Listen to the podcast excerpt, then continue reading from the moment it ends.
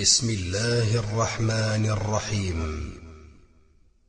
موقع الشيخ الدكتور مساعد بن سليمان الطيار. يقدم لكم تاريخ القرآن الكريم. الدرس الخامس. الحمد لله رب العالمين والصلاة والسلام على أشرف الأنبياء والمرسلين نبينا محمد وعلى آله وصحبه والتابعين. أما بعد فهذا هو اللقاء الرابع عصر يوم السابع والعشرين من الشهر السادس من عام 1429 ونكمل فيه ما بدأنا مما يتعلق بتاريخ آه، القرآن. وقد وقفت بكم في اللقاء آه، السابق لقاء الأمس فيما يتعلق بجمع القرآن في عهد النبي صلى الله عليه وسلم. وذكرت لكم جوانب من العناية النبوية بما يتعلق بجمع آه، القرآن سواء آه، الجمع الذي يعتبر الجمع اللي هو تلاوته وحفظه أو الجمع الذي هو كتابته وتدوينه. واليوم نكمل فقرة كنت قد نسيتها بالأمس ما يتعلق بقضية تاريخ القرآن في العهد النبوي. ثم إن شاء الله نكمل مرحلة أبي بكر وعمر آه، وعثمان. ثم بعد ذلك غدا إن شاء الله نقف عند بعض المشكلات المتعلقة بتاريخ القرآن أو تاريخ المصحف. بقي علينا فيما يتعلق بالعهد النبوي يعني القرآن في عهد النبي صلى الله عليه وسلم. الحديث عن نزول القرآن على سبعة أحرف. نزول القرآن على سبعة أحرف. آه، حديث الأحرف السبعة حديث مشهور ويكاد يبلغ التواتر. هذا الحديث في أن القرآن نزل على سبعة أحرف. والروايات الواردة عن الصحابة في هذا كثيرة. آه، أكتفي منها بهذا الحديث. وقد سبق الإشارة إلى حديث غيره وهو حديث أبي بن كعب أن النبي صلى الله عليه وسلم كان عند أضاة بني غفار فأتاه جبريل عليه السلام فقال إن الله يأمرك أن تقرأ أمتك القرآن على حرف. فقال أسأل الله معافاته ومغفرته وإن أمتي لا تطيق ذلك. ثم أتاه الثانية فقال إن الله يأمرك أن تقع أمتك على حرفين. فقال أسأل الله معافاته ومغفرته وإن أمتي لا تطيق ذلك. ثم جاء الثالثة فقال إن الله يأمرك أن تقرأ أمتك القرآن على ثلاثة أحرف. فقال أسأل الله معافاته ومغفرته وإن أمتي لا تطيق ذلك. ثم جاء الرابعة فقال إن الله يأمرك أن تقرأ أمتك القرآن على سبعة أحرف فأيما حرف قرأوا عليه فقد أصابوا. فأيما حرف قرأوا عليه فقد أصابوا. هذا أحد روايات هذا الحديث له حديث الأحرف السبعة وهو حديث مشهور ومعروف عند أهل العلم. لن ندخل في المراد بالأحرف السبعة الآن سنأتي له لاحقا إن شاء الله. لكن المقصد من هذا من جهة التاريخ أن نعلم أنه في العهد المدني نزلت الرخصة بالأحرف السبعة. في العهد المدني نزلت الرخصة بالأحرف السبعة. ومعنى هذا أنه قبل نزول الرخصة بالأحرف السبعة كان القرآن يقرأ على حرف واحد. يعني كان القرآن يقرأ على حرف واحد وهو الموافق للغة قريش. لأنه نزل بلسان قريش. نزل بلسان قريش. أما الدلالة على نزول الأحرف السبعة أنه كان في المدينة فمما يستأنس به رواية أبي بن كعب وأبي بن كعب مدني. هذا من باب الاستئناس. وأيضا مما يدل على ذلك وهو أقوى من هذا قوله كان عند أضاة بني غفار. وأضاة بني غفار كما ذكر في معجم ما استعجم أنها موضع بالمدينة. نزله بنو غفار فسمي باسمه. ومعلوم أن, أن النبي صلى الله عليه وسلم لما بعث لم يذهب إلا المدينة لم يذهب إلى المدينة إلا بعد هجرته. فبعد أن هاجر بدأت آه، العلاقة بالمدينة. فكونه يكون في هذا الموضع من أضاءة بن غفار دلالة على أنه كان في المدينة. فإذا الأحرف السبعة نزلت الرخصة بها في المدينة. وقد استظهر آه، الشيخ الدكتور عبد العزيز قاري في كتابه حديث الأحرف السبعة أن نزول الرخصة كان في العام التاسع ليعامل الوفود. وإذا صح هذا فإن هذا يتناسب مع هذا العام الذي هو عام الوفود لأن الوفود كانت تأتي إلى النبي صلى الله عليه وسلم فكان من المناسب أن يقرئهم بما يتناسب مع لهجاتهم مما هو نازل من الأحرف السبعة مما هو نازل من الأحرف السبعة. يضاف أيضا إلى أدلة أنها نزلت في الأحرف السبعة استنكار أبي بن كعب وقد سبق الإشارة إليه لما سمع من الصحابيين يقرآن بغير ما سمع من النبي صلى الله عليه وسلم. وهذا يدل على أنه أمر جديد طارئ في العهد المدني. لأنه لو كان من من العهد المكي لما كان منه هذا الاستنكار. لما كان منه هذا الاستنكار. فاستنكاره هذا فيه أيضا دلالة على أن هذا كان في العهد المدني. أيضا من الدلالات المهمة في هذا الحديث تعنينا في هذا المجال في تاريخ القرآن أن هذه الأحرف نزلت من عند الله.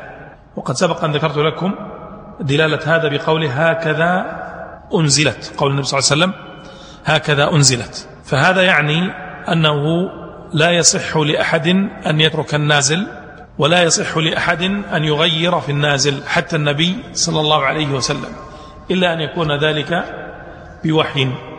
فإذا جميع ما يتعلق بالأحرف السبعة هو من الوحي النازل. جميع ما يتعلق بالأحرف السبعة هو من الوحي النازل. لا يجوز ترك شيء منه إلا بأمر من أنزله إلا بأمر من أنزله. هذه قاعدة في الأحرف السبعة سنحتاجها لما نتكلم عن عمل عثمان رضي الله عنه. إذا ما هي القاعدة؟ أن نقول إن الأحرف السبعة نزلت من عند الله. لأن الرسول صلى الله عليه وسلم يقول هكذا أنزلت فلا يحق لأحد أن يرفع منها شيء إلا من أنزلها إلا من أنزلها. آه، نأتي الآن إلى جمع أبي بكر الصديق رضي الله عنه. لما نرجع إلى الحديث الذي رواه الأئمة بأسانيدهم عن زيد بن ثابت رضي الله عنه نجد أنه هو الأصل الذي اعتمد في جمع أبي بكر. يعني جميع ما يتعلق بجمع أبي بكر موجود في آه، أثر زيد هذا. يقول زيد أرسل إلي أبو بكر مقتل أهل اليمامة وعنده عمر. فقال أبو بكر إن عمر أتاني فقال إن القتل قد استحر يوم, يوم اليمامة بالناس وإني أخشى يستحر القتل بالقراء في المواطن. فيذهب كثير من القرآن إلا أن تجمعوه وإني أرى وإني لأرى أن تجمع القرآن. وإني لأرى أن تجمع القرآن. إذا الآن عمر عرض على أبي بكر ثم فتح الله على قلب أبي بكر بصحة ما ذهب إليه عمر ثم دعوا زيدا فحصل لزيد مثل ما حصل لأبي بكر في أول الأمر.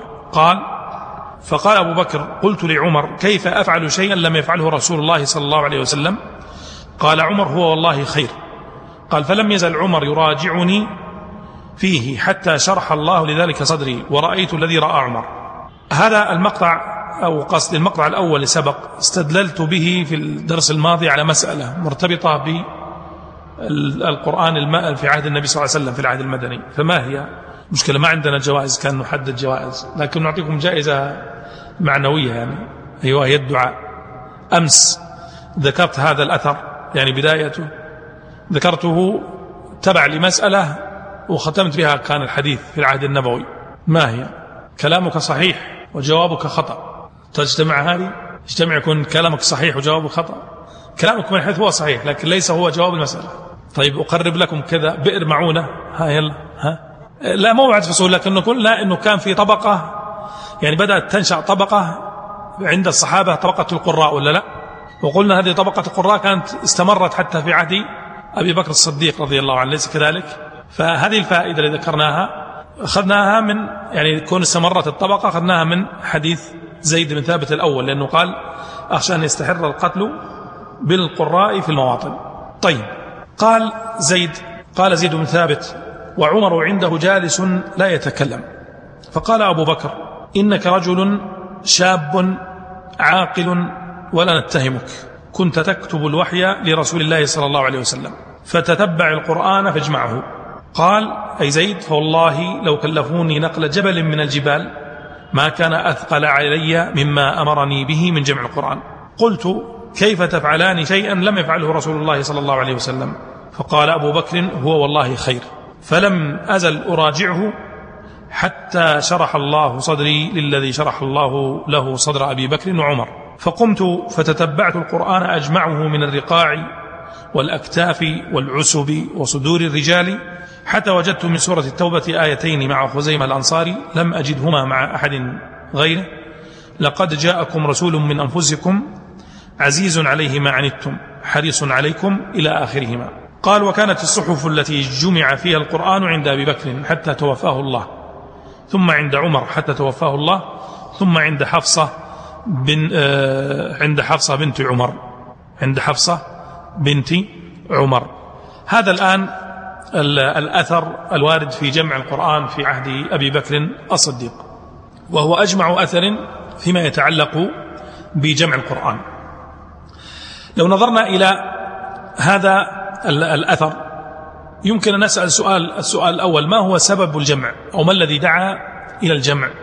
نعم القتل الذي استحر في المواطن في قراء القرآن في عهد أبي بكر لو كانت حروب الردة. فإذا خشي من موت القراء فأراد أن يجمع المصحف. طيب هنا مسألة لطيفة ننتبه لها أيضا مرتبطة بتاريخ تاريخ القرآن.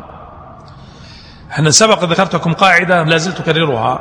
أيهم أيهم أغلب على الثاني القراءة والحفظ أو الرسم؟ القراءة. ولهذا هو لم يقل أن تذهب الصحف التي بأيدي الصحابة وإنما قال إيش؟ يذهب القراء. يعني الأصل إذن هذا تجعلونه ضمن الأدلة في أن الأصل في قراءة القرآن ما هي؟ الحفظ الأصل الحفظ. ولهذا خاشية أن يذهب القراء. طيب. آه قال آه أو عندنا مسألة أخرى فيما يتعلق بهذا الأثر الصفات التي أهلت زيدا أن يتولى مهمة الجمع. يعني قال له أبو بكر إنك رجل شاب. إذا قضية مرحلة الشباب هذه لها أثر في تحمل العمل. وهذا ظاهر يعني من باب الاستطراد والفائدة. بعض المؤسسات الخيرية يعني مع جلالة من من يعني من يتولى منصبها من كبار السن لا تجد أن في الغالب طبعا لأنه قد يوجد خلاف هذه القاعدة لكن في الغالب لا تجد أن همته في الانطلاق بالمؤسسة الخيرية مثل همة الشباب. ولهذا من باب النصيحة إنسان إذا بلغ يعني مبلغا كبيرا يعني بلغ في السن صار كبيرا الأحسن في حاله أن يترك الإدارة إلى الاستشارة. يعني لا يكون هو الذي يدير العمل وإنما يخرج لمنطقة منطقة الاستشارة. وإلا فإن بعض كبار السن مع جلالتهم ومع يعني حفظنا لحق حق يعني حقهم في كبر السن والعلم والعمل أيضا إلا أن نقول إنه الأمور تتجدد. فإذا لم يتابع فإنه يبقى بطرائق يعني قديمة قد تؤثر على تقدم سير العمل. لكنه يكون في باب إيش؟ الاستشارة. يعني لا يترك مطلقا فهذا أولى. وهذا يشير إليه أبو بكر ولا كان يستطيع أن يعطي هذا يعطي هذا العمل من هو أمثل من زيد في الإيمان مثل عثمان بن عفان وعلي بن أبي طالب.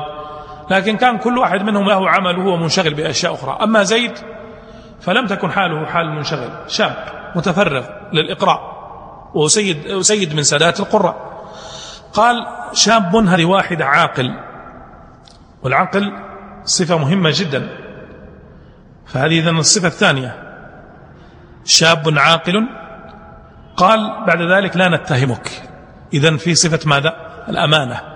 الأمانة. يعني الشباب والعقل والأمانة. ثم قال كنت تكتب الوحي لرسول الله صلى الله عليه وسلم يعني إشارة إلى الخصوصية. إذا كان عنده خصوصية كتابة الوحي.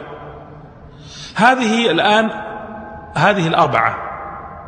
لما انتهى الأمر يعني جمع أبو بكر الصديق المصحف. أريد أن تنتبهوا إلى إلى إلى, إلى استنباط هذا الأمر. هل خلف أحد من الصحابة في رأي أبي بكر في زيد بن ثابت؟ ما أحد خالفه في رأي زيد بن ثابت. وهل خالف أحد أبا بكر في جمعه لهذا لهذه الصحف؟ تنتبهون لهذه نستفيد منها فيما بعد. يعني تضعونها عندكم نستفيد منها فيما بعد. يعني إذا الآن نلاحظ لأنه الآن من خلال التاريخ لا يوجد أي اعتراض على فعل أبي بكر بل مدحه الصحابة بذلك مدحه علي بن أبي طالب وغيره. لا نجد أي اعتراض على اختيار زيد بن ثابت. لا نجد أي اعتراض على الصفات التي ذكرها زيد بن ثابت لأنه يذكرها والصحابة متوافرون. ما أحد اعترض على زيد بن ثابت بأنه كذا أو كذا. إذا هذه قضايا مهمة. أتكلم بها بهذه الطريقة لماذا؟ لأننا نحن المسلمين يجب أن يكون عندنا الثقة المطلقة وإن كانت موجودة ولا الحمد لكن كون تكون ثقة ومدعمة بالدليل هذه أقوى. أن الصحابة رضي الله عنهم هم متوافرون كلهم قد اتفقوا على ما فعل أبو بكر وأيضا على ما قال أبو بكر. ولهذا جاءوا سراعا إلى هذا المشروع وقدموا كلهم يعني كل الصحابة قدموا ما عندهم. كما يقول فتتبعت القرآن أجمعه من إلى آخرها. الطرائق التي عملها تدل على أنه قد عاونه جميع الصحابة. كانوا يدا واحدة في إنجاح هذا المشروع. واضح الفكرة هذه؟ إذا الآن لاحظ أنه عمل جماعي ليس عمل فرد. صحيح أنه القائم به المشرف عليه زيد بن ثابت أولا ويساعده عمر بن الخطاب كما في بعض الآثار. ولكن في الحقيقة العمل هو عمل جماعي للكل. عمل جماعي للكل. وهذا أيضا لو أردنا أن نمثله بتمثيل مقارب. لو جينا إلى قرية تعدادها مثلا ثلاثة ألاف نسمة وقلنا لهم إن سنبني مثلا مسجدا. والمشرف على المسجد هو فلان. وجمعوا ما يستطيعونه أعطوه هذا المشرف ثم بدأ بالمشروع. هل المشروع هذا الذي عمله هو المشرف هذا فقط أو عمل الجماعة كلها؟ هو في الحقيقة عمل الجماعة كلها لكن هو كان له حق الإشراف المباشر. هي نفس القضية في قضية جمع المصحف. والدليل على ذلك أنه لم يعترض أي واحد من الصحابة على هذا العمل ولا على ما في مصحف أبي بكر الذي جمع. وهذه قضية مهمة يجب أن ننتبه لها وهي معتبرة. يعني الأصل فيها الاعتبار لأنه اعتبار الإجماع. فضلا عن أنه جاءت آثار عن علي بن أبي طالب وغيره تمدح هذا العمل على وجه الخصوص على وجه الخصوص. هنا مسألة أيضا يعني يحسن أن نتنبه لها وهي أن أبا بكر رضي الله عنه لم يذكر كون زيد بن ثابت حضر العرضة الأخيرة. مع أنه اشتهر أنه ممن حضر العرضة الأخيرة. لكن كون زيد بن ثابت هو الكاتب الخاص للوحي عند النبي صلى الله عليه وسلم هذه لا خلاف فيها. الكاتب الخاص للوحي عند النبي صلى الله عليه وسلم هذه لا خلاف فيها. لكن نحتاج إلى دليل مستقل صريح وصحيح في أن زيد بن ثابت قد حضر العرضة الأخيرة. طبعا حضور العرضة الأخيرة معناه أنه يحضر وهو يسمع النبي صلى الله عليه وسلم ماذا؟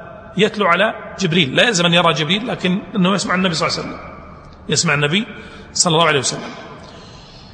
عندنا المسألة الثالثة فيما يتعلق بهذا الجمع لمصادر زيد في الجمع. الآن زيد يقول فتتبعت القرآن أجمعه من الرقاع والأكتاف والعسب. الرقاع والأكتاف والعسب كلها تمثل ماذا؟ المسطور ولا لا؟ يعني المكتوب. هذه أدوات الكتابة. فإذا هذا القسم الأول يعني يتتبعه في المكتوب يتتبعه في المكتوب. ثم قال بعد ذلك وصدور الرجال. إذا يتتبعه في المحفوظ. إذا الآن مصدر الجمع هو المكتوب والمحفوظ. المكتوب والمحفوظ. طيب. قال حتى وجدت من سورة التوبة آيتين مع خزيمة الأنصاري لم أجدهما مع أحد غيره. لقد جاءكم رسول من أنفسكم. طيب الآن اللي وجد مع خزيمة آيتين من سورة التوبة هي بالنسبة له معلومة أو غير معلومة؟ معلومة. يعني هو يعرفها. هو يعرفها. لكنه ما كان من زيادة التوثيق كان يحرص على أن يوجد إما شيء مكتوب وإما شيء محفوظ. وإما مكتوب ومحفوظ معا. بحيث يجتمع في هذا المكتوب مع المحفوظ. ولا يكتفي بمحفوظه هو فقط. ولا يستطيع أن يكتب القرآن كاملا لأنه كان يحفظ القرآن كاملا وهو الكاتب الخاص النبي صلى الله عليه وسلم. لكنه مع ذلك زيادة في التوثيق جمع ما بأيدي الناس من المكتوب وسمع ما عند الصحابة من المحفوظ. يعني تصور كل صحابي حافظ يأتي ويسمع عليه اللي هو حافظ كله. يعطيه كل ما حفظه. إذا عمل وجهد يجب أن ننتبه له في ذلك الزمن يعني جهد جبار جدا. وكما قلت لكم سابقا ارجعوا بالزمن لهذه الفترة لفترة الصحابة رضي الله عنهم. وتخيلوا ذلك العدد من الصحابة رضي الله عنهم وتخيلوا هذا العمل. وزيد بن ثابت جالس ليس عنده شغل شاغل إلا هذا العمل. الذي هو جمع القرآن في مصحف واحد. جمع القرآن في مصحف واحد. فلا شك أن هذا العمل يعتبر عملا جبارا وليس عملا سهلا. وهذا قال لو كلفوني نقل جبل من الجبال لكان أسهل. وقد صدق. فأنتم تخيلوا الحدث هذا.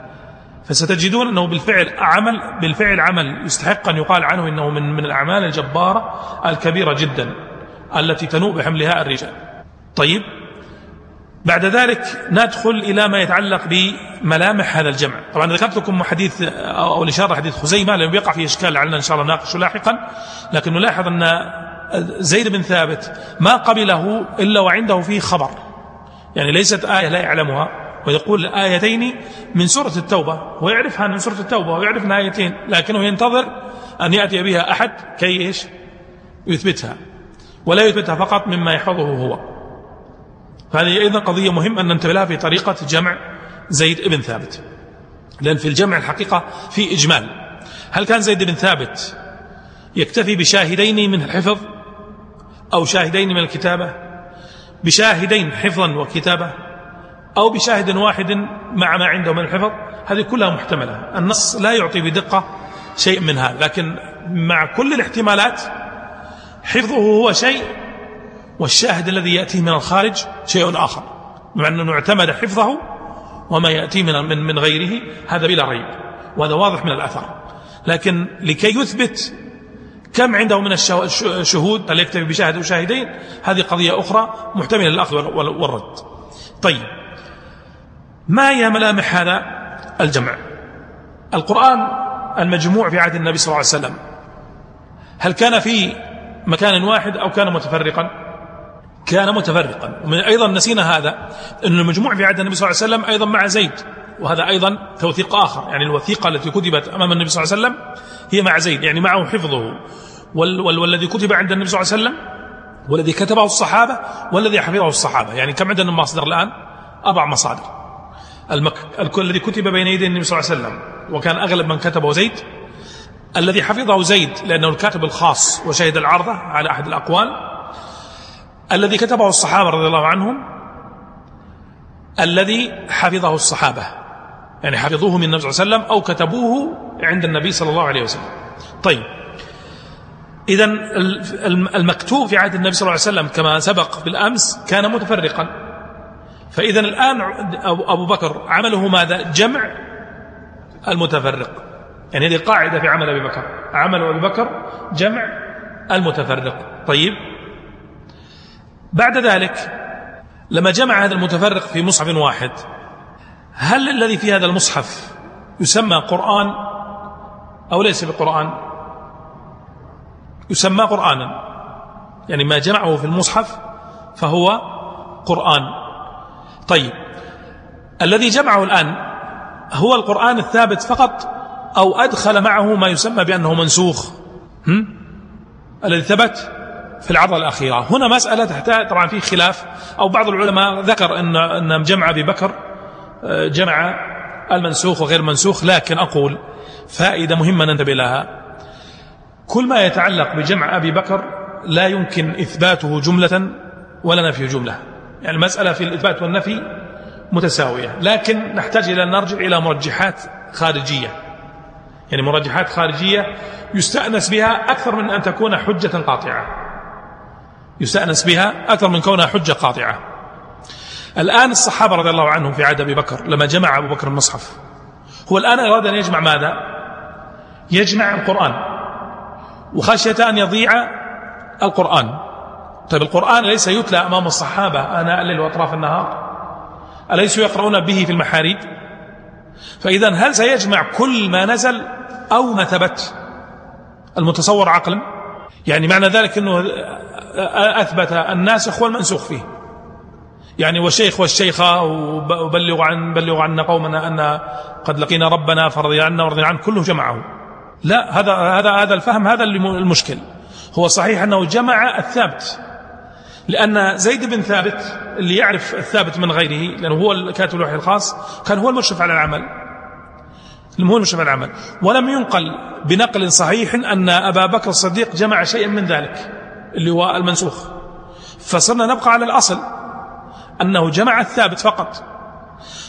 فالبقاء على الأصل كونه جمع الثابت هو الأصل. والقول بأنه جمع غير ذلك هو الذي يحتاج إلى دليل.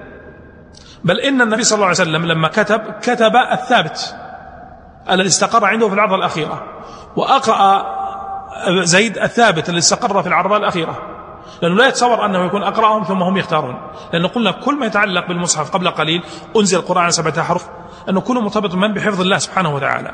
فالأقرب أن يكون أبو بكر جمع الثابت من القرآن فقط لم يدخل معه غيره. ستأتينا إشكالية وهي إشكالية ليست يعني ليست مشكلة كبيرة لكنها تحكى أنه إذا كان في القراءة أكثر من وجه. آسف إذا كان في الحرف الكلمة أكثر من وجه قرائي. كيف يرسمها أبو بكر؟ هذا لا نستطيع نحن أيضا أن نثبت ولا ننفي. بمعنى وصى وأوصى. يحتمل أن يكون كتب وصى ويحتمل أن يكون كتب إيش؟ أوصى. طيب؟ يحتمل يكون كتب تجري تحتها الأنهار ويحتمل يكون كتب تجري من تحتها الأنهار. لكن القارئ حينما يقرأ بمحفوظه الثابت القارئ حينما يقرأ بمحفوظه الثابت هل سيقرأ أوصى وهي مكتوبة وصى أو سيقرأ كما هو عنده في حفظه؟ كما هو عنده في حفظه. إذن الرسم عنده لا يؤثر في المحفوظ لأن قلنا أن الأصل إيش؟ المقروء المحفوظ والرسم من مجرد صورة له. الأصل المقروء المحفوظ والرسم إنما هو مجرد صورة له. فهذا يجب نستحضرها في الذهن. نستحضرها في الذهن. فإذا الأقرب أن يكون المجموع في عهد النبي صلى الله عليه وسلم متفرقا والمحفوظ عند زيد هو المجموع في عهد أبي بكر رضي الله عنه. هو المجموع عند أبي بكر. وأن الأوجه التي وردت في القراءة فيما يكون الرسم يحتمل أكثر من وجه. كان لو اكتفي بأحد الأوجه لما أخل بماذا؟ لما أخل بالوجه الآخر. لأن الوجه الآخر أصل فيه ماذا؟ المحفوظ. والمصحف المقصود منه ضبط هذا المحفوظ لكي لا يضيع فقط. يعني ضبط المحفوظ لكي لا يضيع فقط.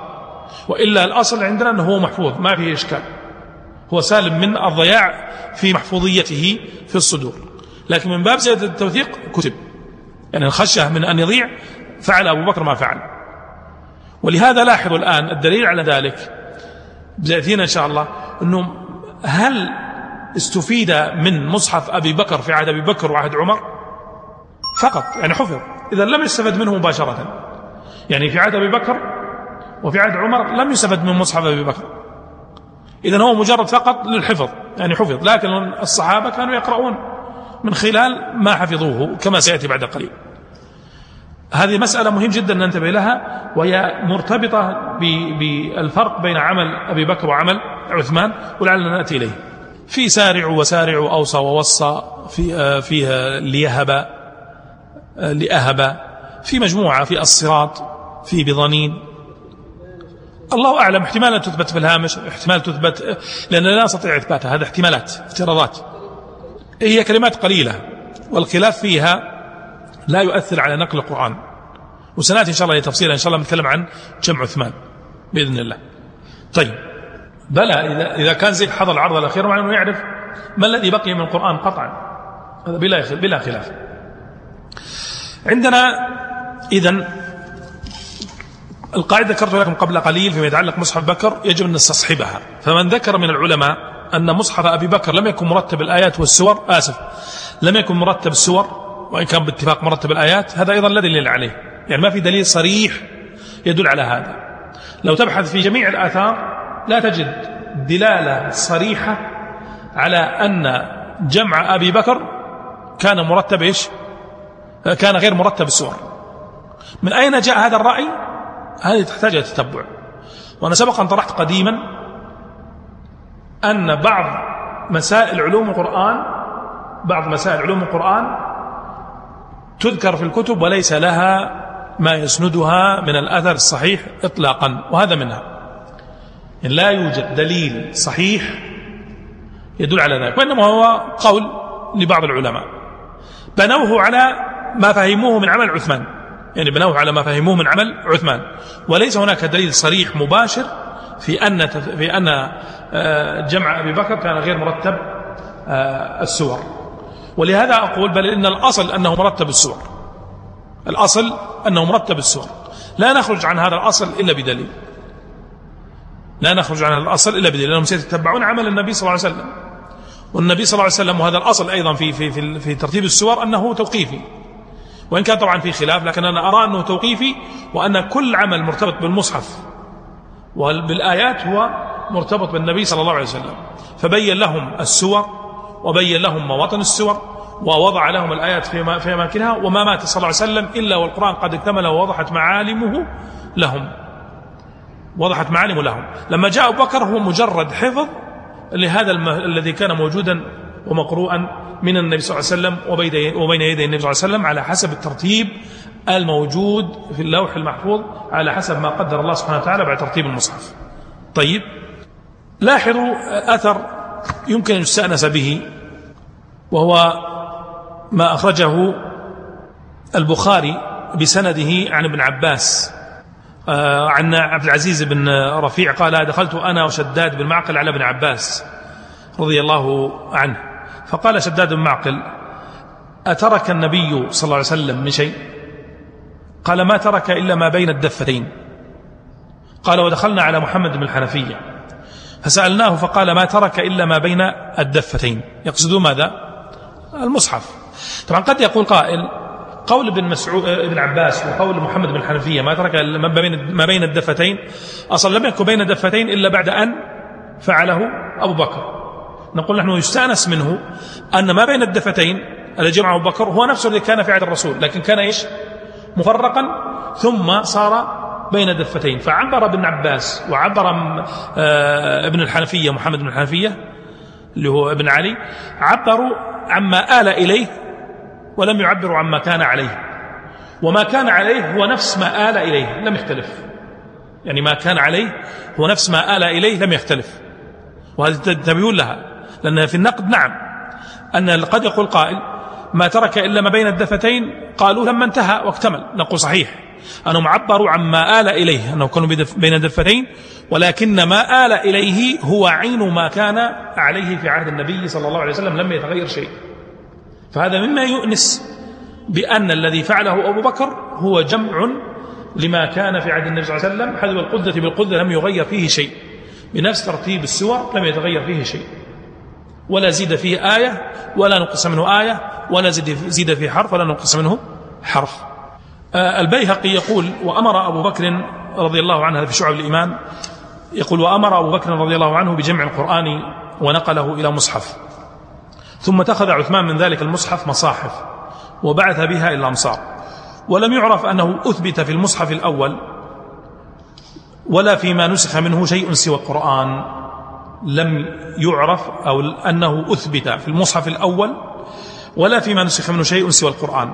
فلذلك ينبغي أن يعمل في كتاب كل مصحف أو في كتابة كل مصحف. إذا المصحف الأول مصحف بكر ومصحف عثمان لم يكن فيها إلا القرآن فقط. طبعا دلالة عامة القرآن بحيث أنه لا يدخل فيه غيره. لكن نقول حتى الذي نسخ لم يدخل في آه، مصحف أبي بكر. هذه تقريبا بعض القضايا المرتبطة بمصحف بكر. نأتي الآن لبعض الأسئلة. السؤال الأول وسبق أن ذكرت لكم هل اعترض أحد من الصحابة على فعل أبي بكر رضي الله عنه؟ لم يقع أي اعتراض. إذا في إجماع وما في إجماع؟ إذا في إجماع على عمل أبي بكر الصديق رضي الله عنه وإجماع على كل ما يتعلق بهذا الجمع من اختيار زيد بن ثابت ومن طريقة زيد بن ثابت ومن الأوصاف التي وصف بها زيد بن ثابت ومن جمع القرآن بالطريقة التي جمعها زيد بن ثابت. الصحابة كلهم متفقون على ما فعل أبو بكر. السؤال الثاني أيضا مرتبط بهذا هل ألزم أبو بكر الصديق رضي الله عنه بمصحفه؟ لم يلزم لأنه ليس من مقصده نشر بين الناس إنما مقصوده حفظ القرآن فقط. طيب لما جاء عمر هل ألزم أيضا بمصحف أبي بكر؟ أيضا لم يلزم ما زال إلى الوقت هذا لم يلزم حتى أيضا صدر من خلافة عثمان كما سيأتي ثم نأتي إلى المرحلة الأخيرة في الجمع. هل هناك هل بقيت؟ آسف سؤال قبله. هل كان الصحابة يقرؤون من مصحف أبي بكر مباشرة؟ يعني يرجعون هذا المصحف ويقرؤون منه؟ أيضا لا لأن هذا المصحف لم تكن مهمته هذه. وإن كان يمكن أن يقرأ منه لكن ما كانت المهمة التي جعل أو صنع من أجل المصحف هو هذا. فلهذا المصحف ما زال باقيا محفوظا فقط. لم يقرأ منه. أيضا هل بقيت صحف الصحابة معهم؟ يعني الصحابة جاءوا بما معهم من صحف ومن أكتاف وإيقاع إلى آخره رجعت إليهم ولا ما رجعت؟ رجعت إليهم. إذا بقيت الصحف واللخاف والعسب وغيرها بين يدي الصحابة. يعني كل واحد أعطى زيدا ما عنده من المادة الخام هذه ثم عادت إليه مرة أخرى. فإذا بقي عند الصحابة يعني في عهد أبي بكر وكذلك في عهد عمر بقي عند الصحابة ما كان عندهم من المصاحف المنتشرة بينهم أو من الأدوات اللي كانوا يكتبون بها آه، القرآن. طيب هذه كانوا يقرؤون بها وما كانوا يقرؤون؟ طبعا كانوا إيش؟ يقرؤون بها. يعني بمعنى أنه لم يقع إلزام بما جمع به أبو بكر فكان كل واحد يقرئ بما سمع من النبي صلى الله عليه وسلم وستأتي دلالة على ذلك في الأثر الصحيح إن شاء الله بعد قليل. لكن تنتبهون لهذه أن كل واحد منهم كان يقرئ بما سمع من النبي صلى الله عليه وسلم. طيب هل هناك جمع آخر غير جمع أبي بكر؟ يعني كان في عهد أبي بكر أو في عهد عمر ستجدون في, مص... في, في كتاب المصاحف لابن أبي داود آثار ضعيفة جدا فيها إشارات إلى جمع. ولهذا قد استفاد منها بعض المستشرقين وغيرهم ممن كان قلت لكم سابقا أنه كتب على منهجية فيها نظر ذكروا أن هناك جمعا غير جمع أبي بكر استدلالا بهذه الآثار وهذه الآثار لا تقوم بها حجة. وهنا الآن من باب الفائدة نقول من هو المحكم في قبول الآثار؟ يعني من هو المحكم في قبول الآثار؟ هل هو هؤلاء المستشرقون أو من بدأ يقرأ تراث تراثنا الإسلامي بقراءات غربية؟ أو هم أهل هذا الشأن الذين صنعوا له آه، المناهج التي يدرس بها؟ الأصل أنهم أهل الشأن الذين صنعوا المناهج التي يدرس بها. طيب إذا درست هذه الآثار بغير هذه الطريقة فقطعا ستحدث شبهة وخلخلة إلى آخره. خلنا نضرب لكم مثال آخر الآن لكي نفهم كيف يقع الخلخلة. الرسول صلى الله عليه وسلم قال حدثوا عن بني إسرائيل ولا حرج. الرسول صلى الله عليه وسلم لما قال حدثوا عن بني إسرائيل ولا حرج. ألم يكن صلى الله عليه وسلم يعلم أن المنقول من آثار بني إسرائيل ليس فيه أسانيد وليس فيه خطام ولا زمام؟ طيب متى نشأ علم الجرح والتعديل؟ بعد النبي صلى الله عليه وسلم ليس كذلك وأرسلت قواعد دراسة الأسانيد وقواعد علم الجرح والتعديل ثم حكمت هذه فيما ورد عن النبي صلى الله عليه وسلم خصوصا في آيات في حديث الأحكام اللي الحلال والحرام. أليس كذلك؟ لو أخذنا هذه المنهجية اللي منهجية دراسة الأسانيد في الحلال والحرام في مادة الأحكام وطبقناها على مروية بني إسرائيل كم الناتج بيساوي؟ أخشى أنه يكون تحت الصفر بعد. يعني ليس صفر فقط بل قد يكون تحت الصفر. لماذا؟ لأنه لا يمكن أن تثبت رواية إسرائيلية على طريق محدثين إطلاقا على طريق دراسة الأسانيد الحديثية إطلاقا. لأنك أمام سلسلة من المجاهيل في القرون غير معروفين. ما أقصد اللي رووا من المسلمين الذين هم من بني إسرائيل. يعني من روى هذه القصص من هم؟ فإذا فهمتم قصدي الآن؟ أنه هل يجب أن تنتبهوا لها كقاعدة علمية؟ أن تطبيق منهجية علم ما تطبيقها بحذافيرها على علم آخر هذه تفسد العلم الآخر. إطلاق قطعا. تخرج بنتائج خطأ قطعا. هذه قاعدة تضعونها في أذهانكم. لكن الاستفادة من منهجية هذا العلم في هذا العلم الاستفادة من أشياء منه؟ نعم. ويجب أن نفرق بين الأمرين. أعيد مرة أخرى لحساسيتها ولأن بعض من حدثت بهذا لم يفهم عني هذا فنقل نقلا مغايرا. أنا أقول تطبيق منهجية علم بحذافيره على علم آخر يفسد هذا العلم الآخر ويوصل إلى نتائج خطأ. لكن الاستفادة منه يعني منهجية العلم الأول بعض قضاياه في العلم الثاني ممكنة. وهذا طبقه في دراسة الأسانيد في التفسير.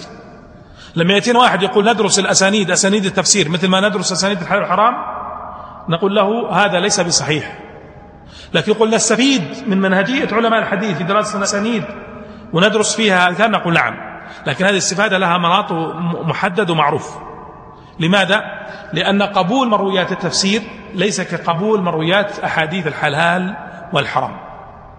والدليل على ذلك هو عمل المحدثين أنفسهم أنفسهم وكذلك عمل المفسرين المحققين أصحاب الرواية والدراية. ولا أريد أن نطيب هذا كمثال كي تنتبهوا له.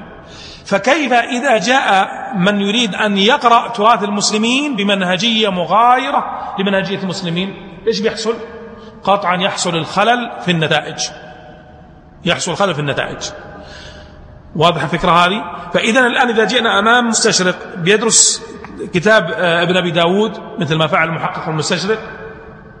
أو يأتي آخر ويكتب وعنده منهجية مستقلة نجزم يقينا أنه سيقع في الخلل. لأنه لن يفرق بين الموضوعات والأباطيل وبين الصحاح. لن يفرق بين ما هو حجة ومقبول وبين ما هو ليس بحجة ولا بمقبول. لن يفرق بين هذه. بل إنه بحسب المعطيات الخاصة عنده والمعطيات التاريخية التي يظنها كذلك قد يقدم الموضوعات والأباطيل على الصحاح وهذا واقع يعني في الدراسات اللي وقعت في تاريخ القرآن عند هؤلاء. هذا الذي وقع. إما عن حسن قصد هذا نحسن الظن وإما عن سوء قصد ونية أصلا مبيتة للإفساد. وهذا عند كما قلت لكم بعض المستشرقين موجود بلا ريب. ولو ادعى الحيادية أو ادعى وادعى لكن واضح عنده الوصول للنتائج لماذا لا يصل إلا إلى النتائج التي هي ضد ما اتفق عليه المسلمون؟ يعني كل نتائج ضد ما اتفق عليه المسلمين وبعدين يقول والله هذا لا والله هذا أحسن ظن فيه. هذا باحث حيادي وهذا أنتم فهمتموه غلط. إحنا فهموا غلط لو كانت المسألة اللي خرج بها واحدة. لكن كل مسائل تخرج لخلاف رأي ما اتفق عليه المسلمون وبعدين نقول نحن نحسن الظن. هذا الحقيقة نوع من الغباء. بل لا نسيء الظن ونبين ذلك بالأدلة من عمله. فإذا يجب أن نفرق بين هذا وذاك. إذا أقول أيها الإخوة هذا أمر مهم يجب أن ننتبه له ونحن ندرس هذه القضايا المرتبطة بتاريخ القرآن. لا يوجد جمع غير جمع أبي بكر الصديق البتة قبل عمل أبي بكر الصديق. إلى عمل عثمان ما ذكر إطلاقا أنه في جمع آخر. جمع يعني جمع مصحف ما فيه. واللي أن علي بن أبي طالب جمع وهذا هذا لا يثبت إطلاقا. فهذه نرجع فيها إلى ماذا؟ إلى دراسة الأسانيد. ونبطل مثل هذه بطريقة بالمنهج العلمي في دراسة الأسانيد. وإلا لو كنا مثل هؤلاء صار كما قلت لكم في أول درس ما في كتاب الأغاني عندهم مثل ما في صحيح البخاري سواء بسواء. وهذا لا شك أنه سيحدث البلبل والإشكالات التي ذكرت لكم جزءا منها. طيب. في عهد عمر بن الخطاب رضي الله عنه الآن طبعا انتهينا من عهد أبي بكر الصديق يعني لاحظنا الآن أنه الآن الصحف ما زالت بأيدي الصحابة صحفهم الخاصة يقرؤون بما كان كانوا يقرؤون به على عهد الرسول صلى الله عليه وسلم لم يقع إلزام بمصحف أبي بكر ولا بما في مصحف أبي بكر رضي الله عنه لم يقرأ من مصحف أبي بكر رضي الله عنه مباشرة. هذه حقائق من خلال التاريخ الذي كان في عهد أبي بكر الصديق. هل تغير شيء من أمر جمع القرآن في عهد عمر بن الخطاب؟ أيضا لو رجعتم إلى كتاب ابن أبي داود ستجدون بعض الآثار الغريبة في أن عمر جمع المصحف. ولكن واضح جدا أن فيها نكارة.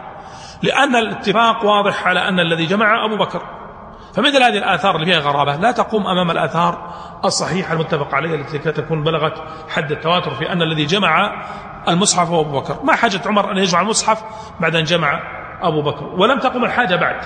يعني الحاجة التي ستقوم في عهد عثمان لم تقم في عهد عمر ولا كانت موجودة. المشكلة ما كانت موجودة. فإذا لم يكن هناك أي حاجة. لاحظوا عن هذا الأثر وأحب أن آه، تعطوني جزءا من عقولكم في مناقشته. روى البخاري البخاري بسنده عن ابن عباس. قال قال عمر بن الخطاب أبي أقرأنا لأبي بن كعب. هذا مدح الآن لأبي. وإنا لندع من لحن أبي. ندع من لحن أبي يعني من قراءة أبي. لو أن أبي بيقرأ من نفسه. شوف لاحظ قال وأبي يقول أخذته من في رسول الله صلى الله عليه وسلم. يعني من فمه مباشرة. إذا الآن لاحظ أبي ما يأخذ من ما يقول أنا أخرجته من كيسي أو قرأت بالمعنى. لا. أبي يحتج. يقول أنا أخذته من في رسول الله صلى الله عليه وسلم. يعني من فمه مباشرة. فلا أتركه لشيء. قال الله تعالى هذا يقول عمر ما ننسخ من آية أو ننسها نأتي بخير منها أو مثلها. إيش نستفيد من هذا الحديث؟ الآن إحنا في عهد عمر. في عهد من؟ عمر. عمر الآن من خلال هذا الحديث هل ألزم الناس بمصحف أبي بكر؟ هل نفهم منه أنه ألزم مصحف أبي بكر؟ هم؟ لا يفهم منه أنه ألزم مصحف أبي بكر. إذا كان في طيب هذه واحدة. إذ ما دام ما ألزم مصحف أبي بكر هل بقي الصحابة يقرؤون بما كانوا قرأوا به عند الرسول صلى الله عليه وسلم أو لا؟ طيب اثنين. الثالثة هل عمر يعرف أن شيئا مما يقرأ أبي قد ترك أو ما يعرف؟ يعرف ولا لا؟ يعرف أن شيئا مما قد قرأه آه، أبي أنه قد ترك ولا لا؟ طيب لاحظ هذا الأثر وهو قريب من الأثر نذكره الآن. قال كان أبي يقرأ إذ جعل الذين كفروا في قلوبهم الحمية حمية الجاهلية ولم حمي ولو حميتم كما حموا حموا أنفسهم لفسد المسجد الحرام. فأنزل الله سكينته على رسوله. يعني الآن الزائد عند ماذا؟ ولو نعم.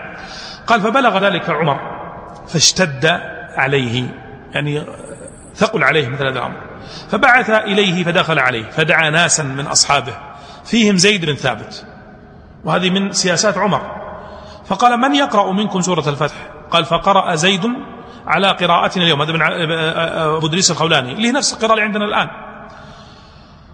فغلظ له عمر عشان يكون في مشهد من الصحابة. أنك أنت عندك الآن هذه زائدة هذه متروكة. ما نقول لما قرآن لكنها متروكة. فغلظ له عمر. فقال أبي لأتكلم. قال تكلم قال لقد علمت أني كنت أدخل على النبي صلى الله عليه وسلم ويقربني وأنت بالباب. احتجاج. يقول أنا أدخل عند النبي ويقربني وأنت واقف في الباب ما يدخلك. تمام. فإذا فإن أحببت أن أقرئ الناس على ما أقرأني أقرأت. وإلا لم أقرئ حرفا ما حييت. قال بل أقرئ الناس. لاحظ إيش؟ الآن حتى هذه فيه فقه الحقيقة في التعامل كبير جدا ليت قومي يعلمون. أولئك الذين يختصمون على مسائل أو فروع من فروع من فروع العقائد أو أحيانا بعض العقائد أو غيرها هذا الآن خصام في كلام الله سبحانه وتعالى. وانظر كيف أدب أمير المؤمنين الوالي أمير المؤمنين لا يمكن أن يلزم مع سيد القراء أبي بن كعب. انظروا هذا هذا هو الأسلوب والمنهج الذي يجب أن نتبعه. وليس أسلوب الخصام والدخول في النيات وأن فلان يقصد كذا أو أو إلى آخره خاصة أنه مع الأسف القوم يعني يسكنون في مكان واحد يمكن أن يمر فلان على فلان يأخذون لهم كذا قهوة عصرية أو آه، ما بعد العشاء ويأخذون بالخصام اللين وينتهون من مشكلات كثيرة. ولكن كما أخبر الرسول الشيطان ما وجد إلا أن ينزغ بين أهل الإيمان. خذوا هذا الأثر. طبعا رواه النسائي وابن أبي داود والحاكم وابن خزيمة روى بعضه. هذا الأثر الآن إذا تأملناه نجد أولا أن عمر بن الخطاب استنكر على أبي استنكر على أبي هذه القراءة. لم يقبلها هذه واحدة.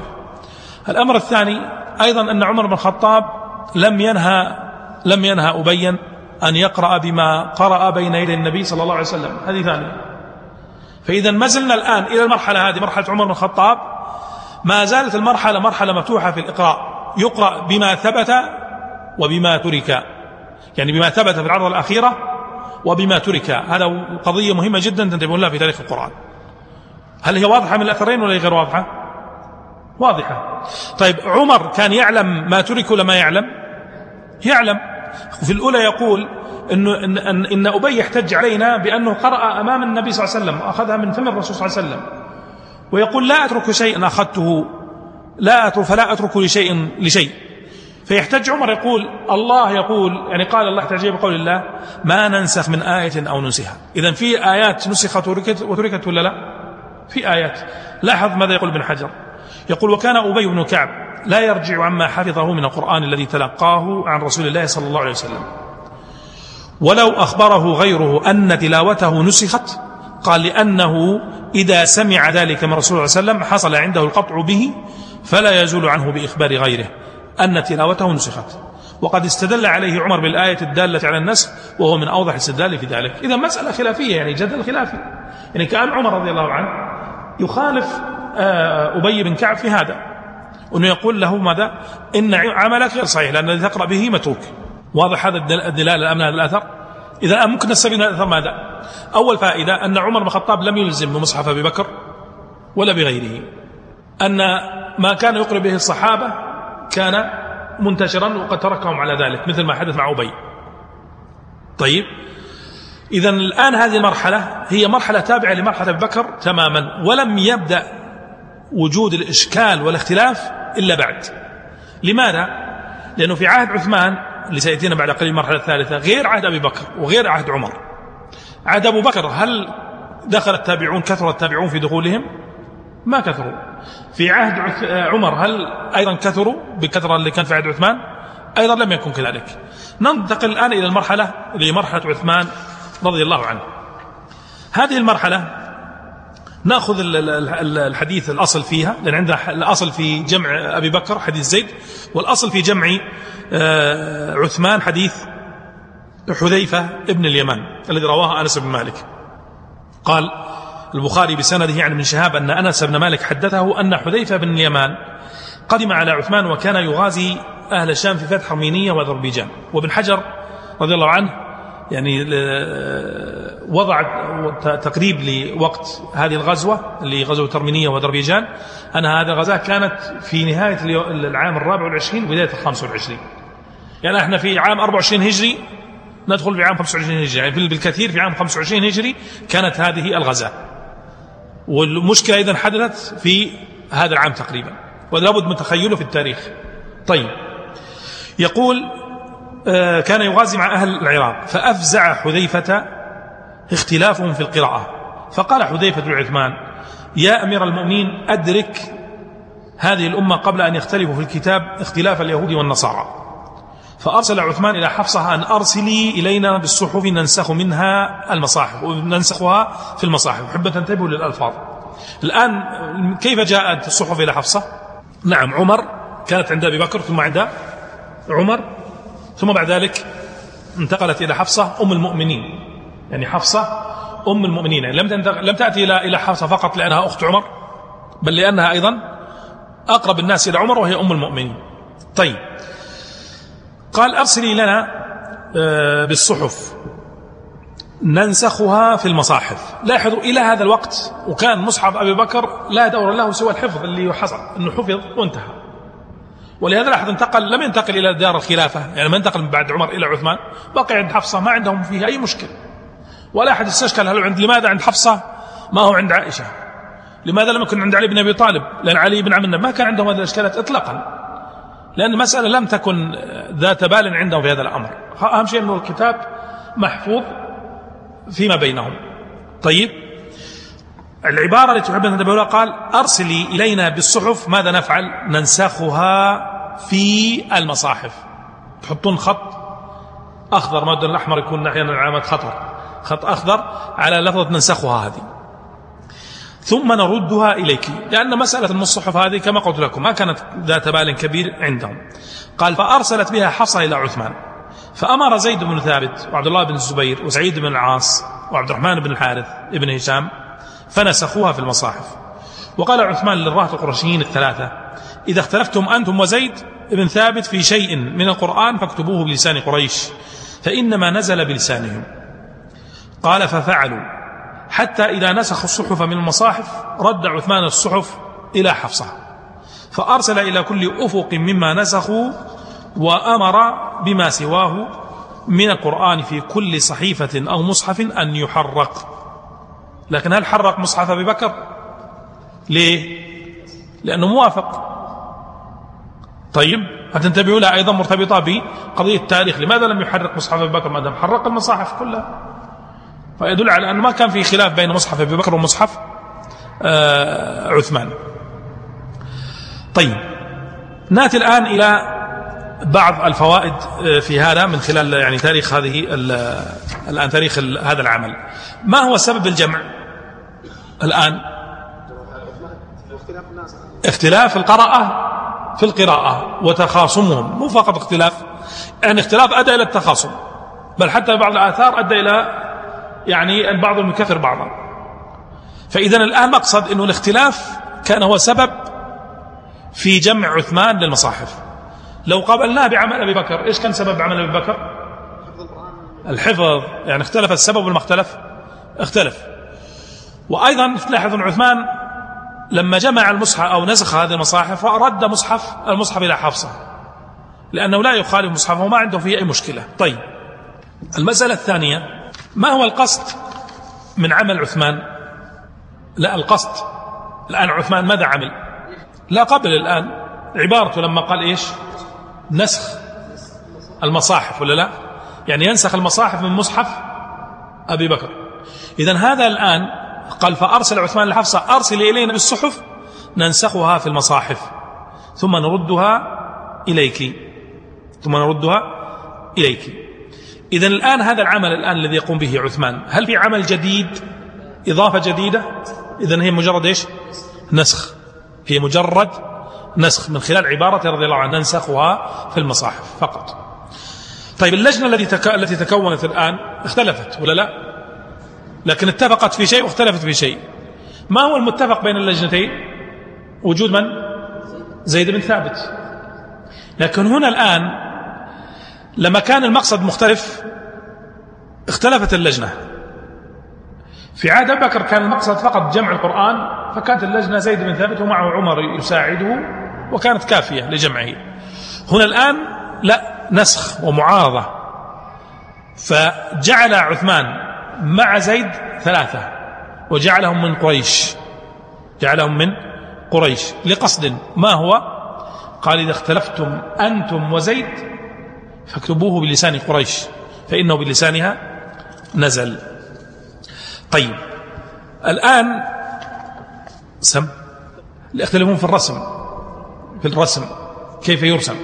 الآن سنأتي ليه سنأتي ليه لحظة بس خلونا الآن نحرره. المنهج المتبع في الرسم حال الاختلاف تسألون عنه قبل قليل. الآن عثمان أعطاهم منهج قال إذا اختلفتم أنتم وزيد ابن ثابت في شيء من القرآن فاكتبوه لاحظ فاكتبوه بلسان قريش يعني باللهجة التي توافق لهجة قريش. فإنما نزل بلسانهم قال ففعلوا حتى إذا نسخوا الصحف في المصاحف رد, رد عثمان الصحف إلى إلى حفصة. الآن إذا اختلفوا في لفظة إذا اختلفوا في لفظة قد يقول قائل السؤال اللي قلته كيف يختلفون وأمامهم المصحف الذي ينقلون منه؟ كيف يختلفون؟ لا. الآن لما كان زيد يكتب منفردا يتصور وقوع اختلاف؟ لا. لكن لما جاء معه القرشيون الآن الرسم مظنة اجتهاد ولا مظنة اجتهاد؟ إذا الآن لاحظوا انتبهوا هذه قاعدة فائدة مهمة تنتبهوا لها. الخلاف الذي سيدور بين زيد والقرشيين في الرسم في كيف ترسم الكلمة ليس في قضية القراءة لأن القراءة زيد أعلم من هؤلاء كلهم.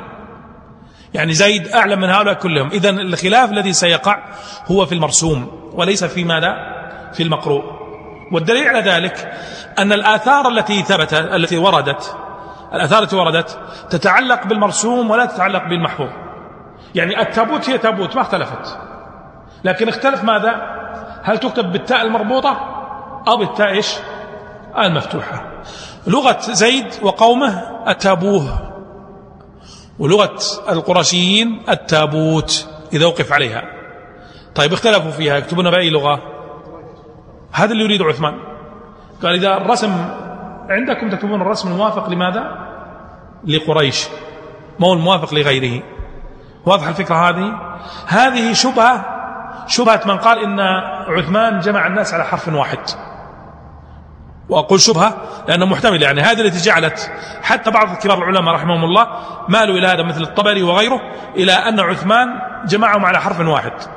وهذا ليس موافقا لتاريخ القراءات كما سيأتي إن شاء الله. ولكن يبين لكم أين موطن الإشكال الذي وقع ومن أين خرج القول بأنه على حرف واحد من هذه الكلمة. لكن إذا حملناها على ما قلت لكم ما يكون لها علاقة بالأحرف إطلاقا؟ وعثمان لم يتعلق لم يتكلم بالأحرف. ويتكلم في المرسوم قال إذا اختلفتم أنتم وزيد فاكتبوه إيش؟ بلسان قريش يعني اكتبوه. هو مجرد إذن قضية مرتبطة بالرسم وليست مرتبطة بالأحرف أو القراءة. واضح هذه؟ طيب. نعم نعم. طيب. إذا القضية المهمة جدا اللي, اللي أريد أيضا نعيد مرة أخرى ونبع عليها وستأتينا أيضا لاحقا في هذا أنه الآن نفهم من هذا أن الصحابة بينهم اختلاف تنوع في الرسم ولا ما نفهم؟ يعني بعضهم يكتب التابوه وبعضهم يكتب إيش؟ التابوت.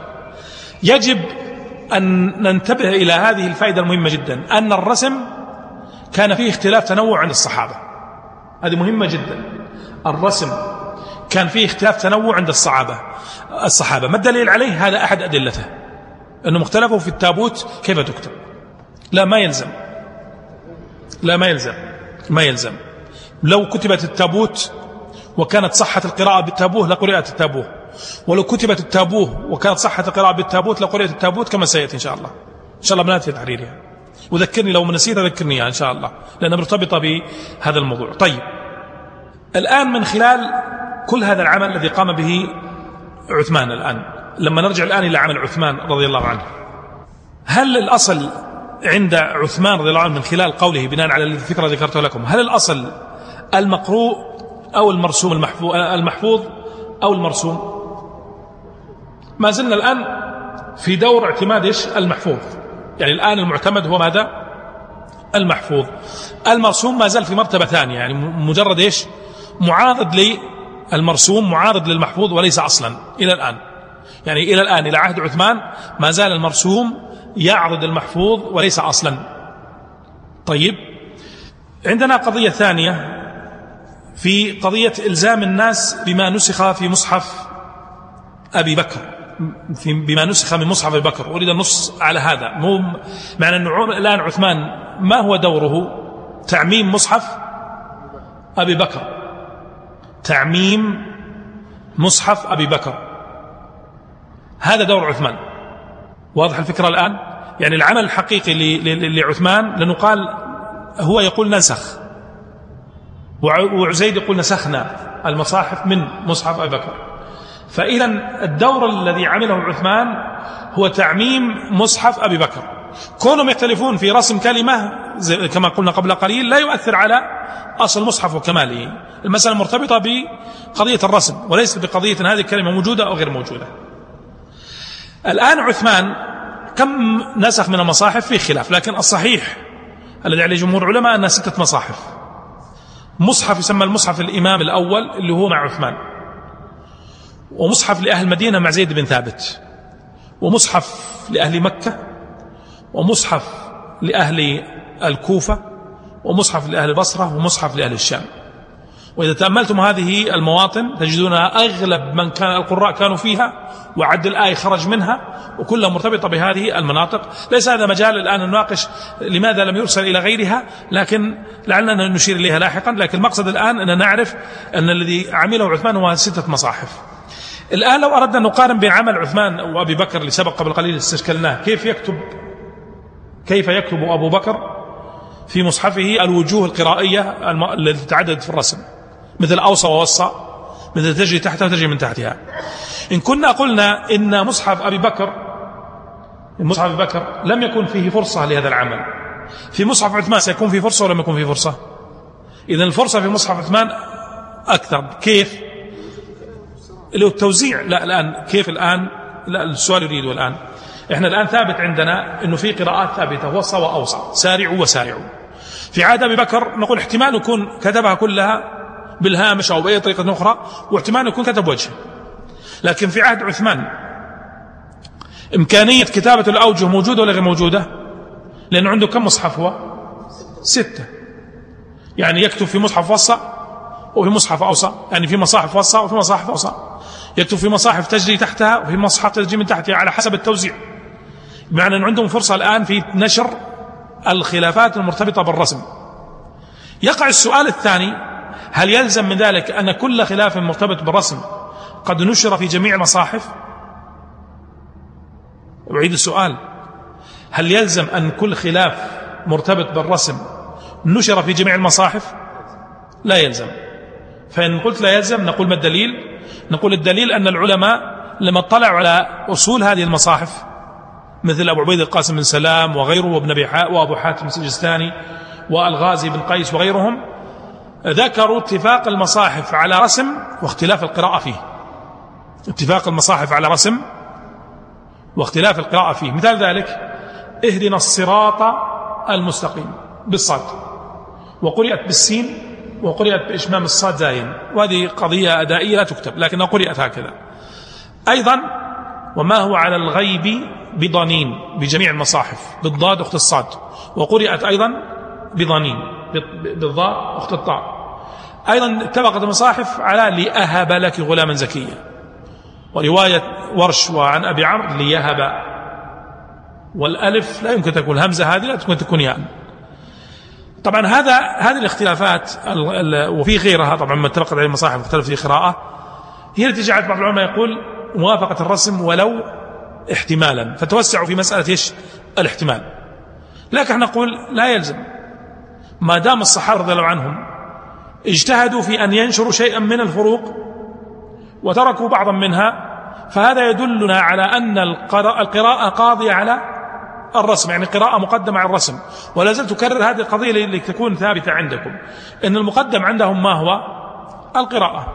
المقدم عندهم القراءة.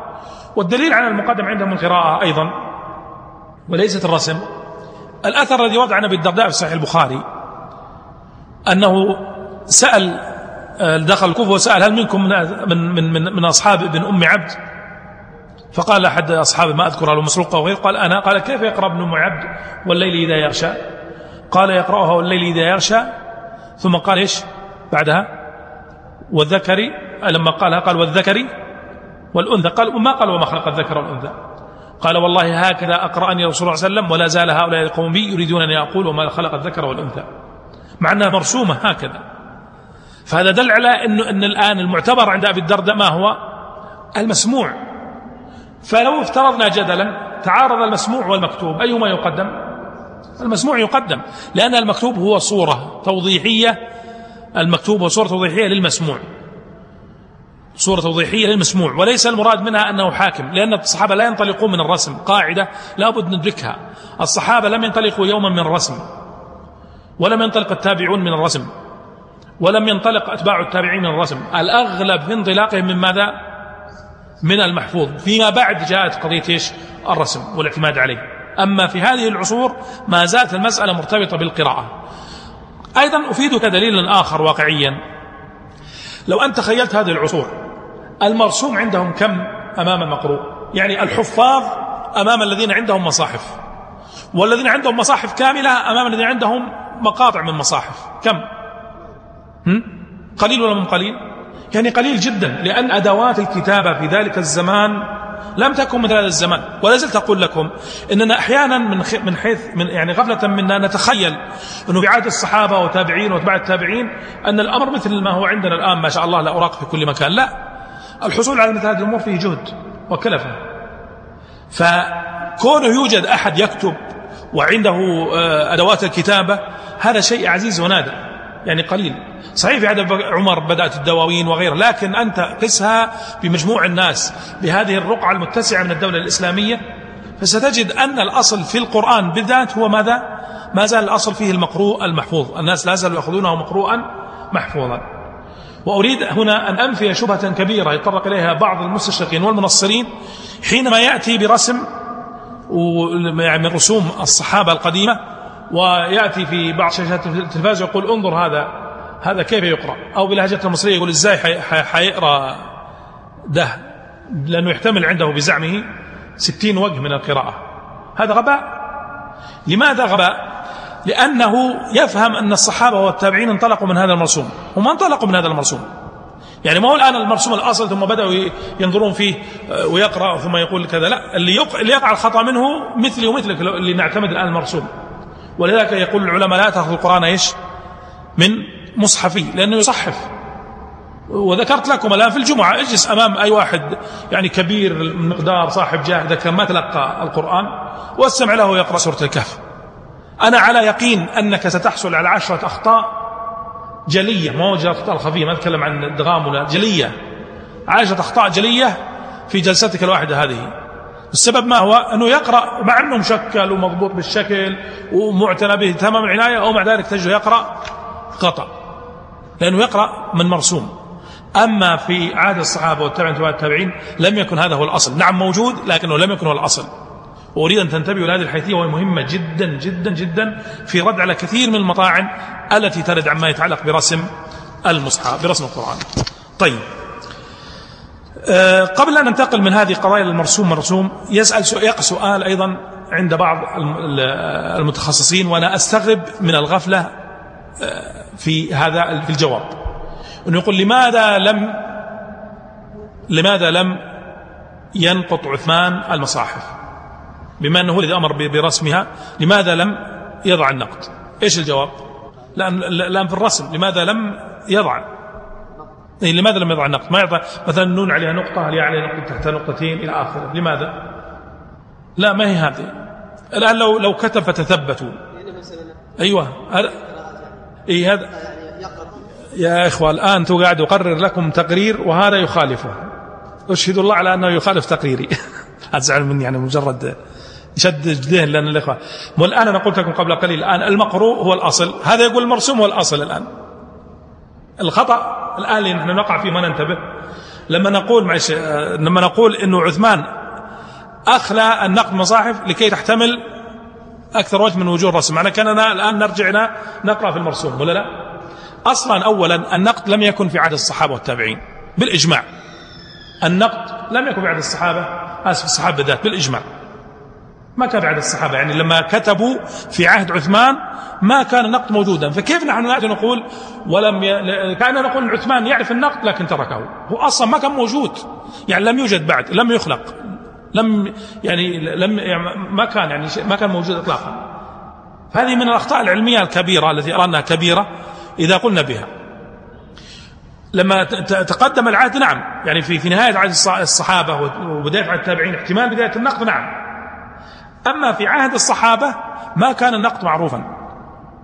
والدليل على ذلك أنه جميع رسومهم جميع يعني ما كانوا يكتبونه سواء في في في رسائلهم وغيرها لم يكن منقوطا.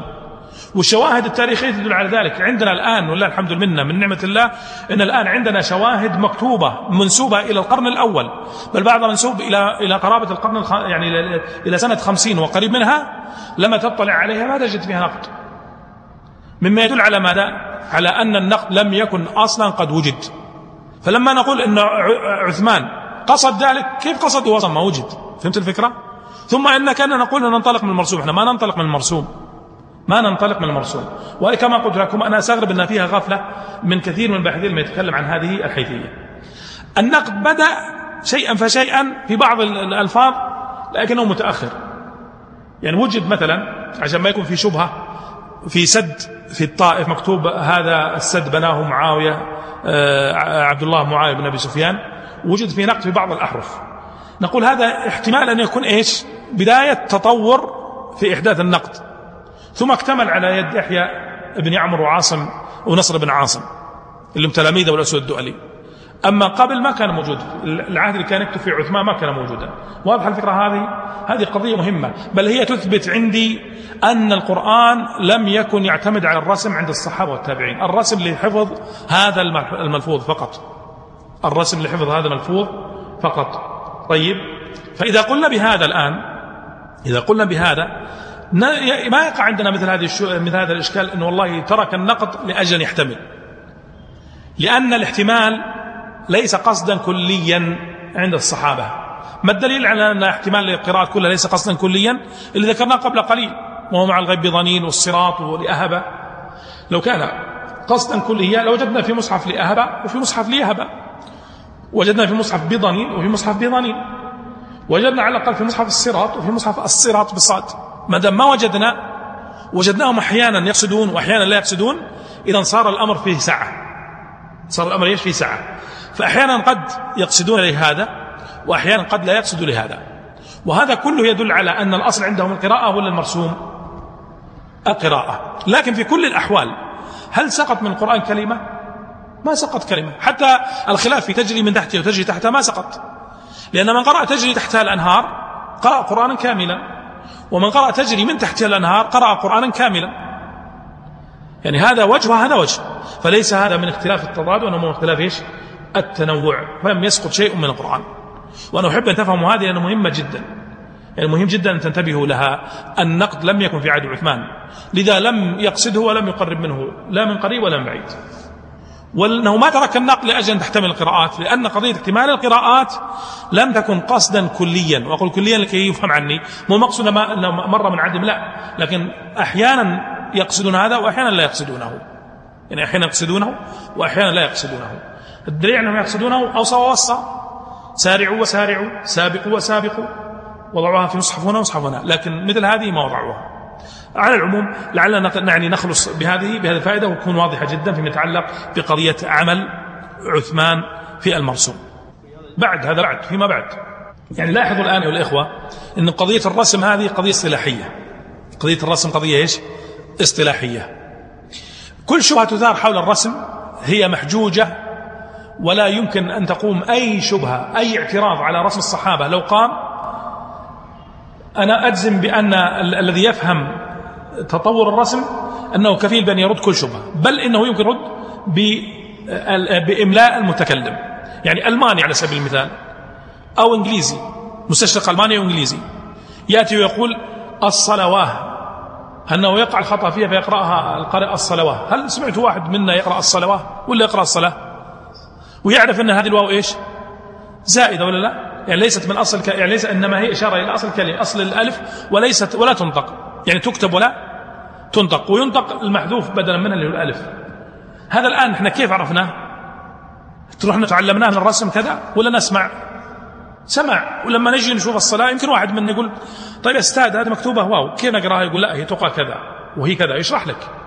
فإذا استشكلت أنت المكتوب, المكتوب شرح لك. ولا أنت أصلا تقرأ في المحفوظ؟ ولا لا؟ بل أنت أحيانا تحفظ غلط.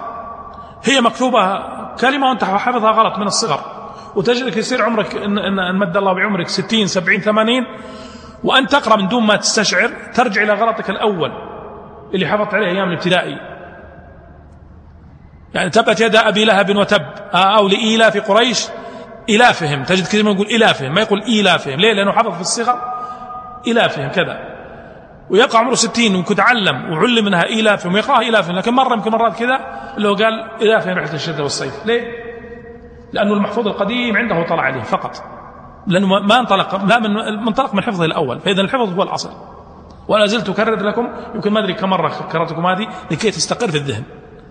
أنه المرسوم مجرد صورة لحفظ الملفوظ فقط. ولم يكن تكن العمدة حتى الآن على المرسوم. إلى الآن ما كانت على المرسوم. المرسوم عمدة بعدين بعد ما جاء علماء الرسم بدأوا يرجعون إلى المرسوم ويقعدون قواعده إلى آخره. ولعلنا إن شاء الله إن كان معنا وقت نشير إلى هذا بإذن الله لعلي ما أنسى. طيب إيش بقي الآن من مما يتعلق بقضية مصحف عثمان؟ لا لا كانوا يعلمون من خلال المصحف. الآن نأتي لي بس خلنا بعد ما ننتهي نأتي الآن نشتغل المصحف في هذا العهد المرسوم هذا. آه طيب آه خلونا نشوف إذا كان بقي عندنا شيء من هذا. ماشي. ناتي الآن إلى مسألة إيش فائدة المرسوم بالنسبة للمقروء عند من أرسل إليهم تجري تحتها الأنهار؟ بتكون قراءة عامة هذا القطر تجري تحتها الأنهار لكن لا يعني أنه لا يوجد من يقرأ تجري من تحتها الأنهار. ولهذا لاحظ لما ترجع الآن أنت إلى خلاف المصاحف يقول لك في المصحف الشامي كذا أنا الآن لا أحفظ في أحد من القراء عندنا؟ في أحد من القراء ما في. وأن إذا احتجنا أصحاب الشأن ما وجدناهم. أحيانا تسوي دورة علشان القراء فما يجي منهم أحد. يجي محدثين وفقهاء وإذا سويت دورة الفقهاء ما يجي. يعني كان مفترض ودا لو كان موجود أحد منهم عشان نعرف لأني أنا لا أحفظ قراءات فكان بيود لو قلنا له تجري من تحتها قراءة من؟ وتجري تحتها قراءة من؟ بحيث أنه ستجد أنه قراءة عامة القطر الذي ذهب إليه ذلك المصحف هو بهذه القراءة. لكن لا يعني أن كل أهل القطر يقرؤون بهذا. قد يرد يأتي من قرأ بقراءة أخرى وهي صحيحة.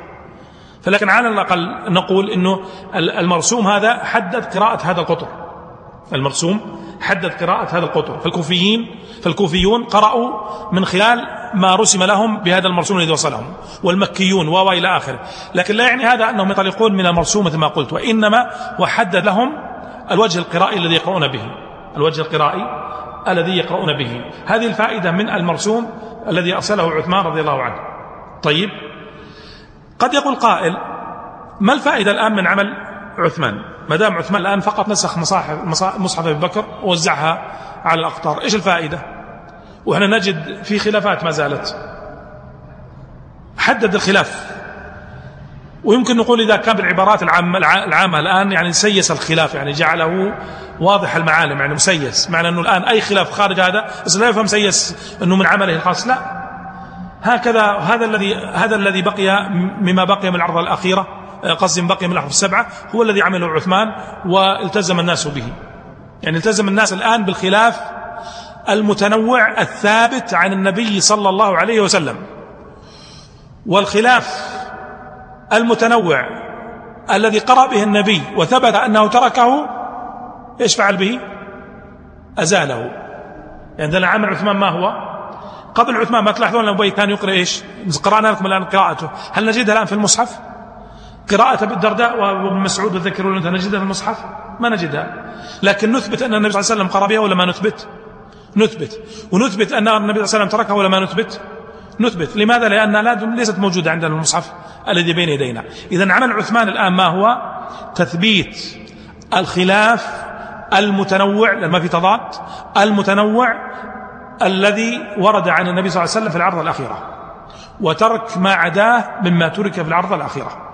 فإذا أي قراءة أي قراءة نقرأها منسوبة لعهد قبل عهد عثمان رضي الله عنه نعلم أنها من الوجوه إذا ثبتت طبعا بسند صحيح نعلم أنها من الوجوه الصحيحة التي قرأها النبي ولكنها دخلت في قوله ما ننسخ من آية ننسها كما أخبر عمر معنى أنها تركت. وأي قراءة قرئ بها على أحد هذه على أحد هذه المصاحف. وموافق على أحد المصاحف فإننا نجزم أنها من العرض الأخيرة التي ثبت بها القرآن على تنوعه المعروف في القراءات المعروفة. وسنأتي إلى تفسير قراءات لاحقا. واضح الفكرة هذه؟ واضح عمل عثمان الآن؟ إذا عثمان الآن حدد الخلاف. لاحظ سابقا يعني كناس نفهم أيضا من خلال الواقع لو خرج كوفي وخرج بصري وخرج شامي ومكي ومدني خمسة التقوا وكل واحد قرأ. سيقرؤون بقراءات يتفق بعضهم مع بعض في شيء ويختلف الآخر مع الآخر في شيء. وفي اتفاق واختلافات. هم الآن هل لهم مرجع محدد؟ كل واحد يقول اقرأني فلان والثاني يقول اقرأني فلان اقرأ فلان. ما في الآن ما في شيء محدد. لكن الآن لما يقرأ الكوفي يقول أنا قرأت على القارئ الذي أرسله عثمان. والثاني يقول قرأت على القارئ الذي أرسله عثمان. يقول قرأت على القارئ الذي أرسله عثمان. كلهم قرأوا على القارئ الذي أرسله إيش؟ عثمان. وهؤلاء كلهم صدروا ممن من؟ المدينة. إذا معنى هذا أن هذه القراءات التي تقرؤون بها هي قراءات الثابتة بتنوعها. ما يقع خلاف.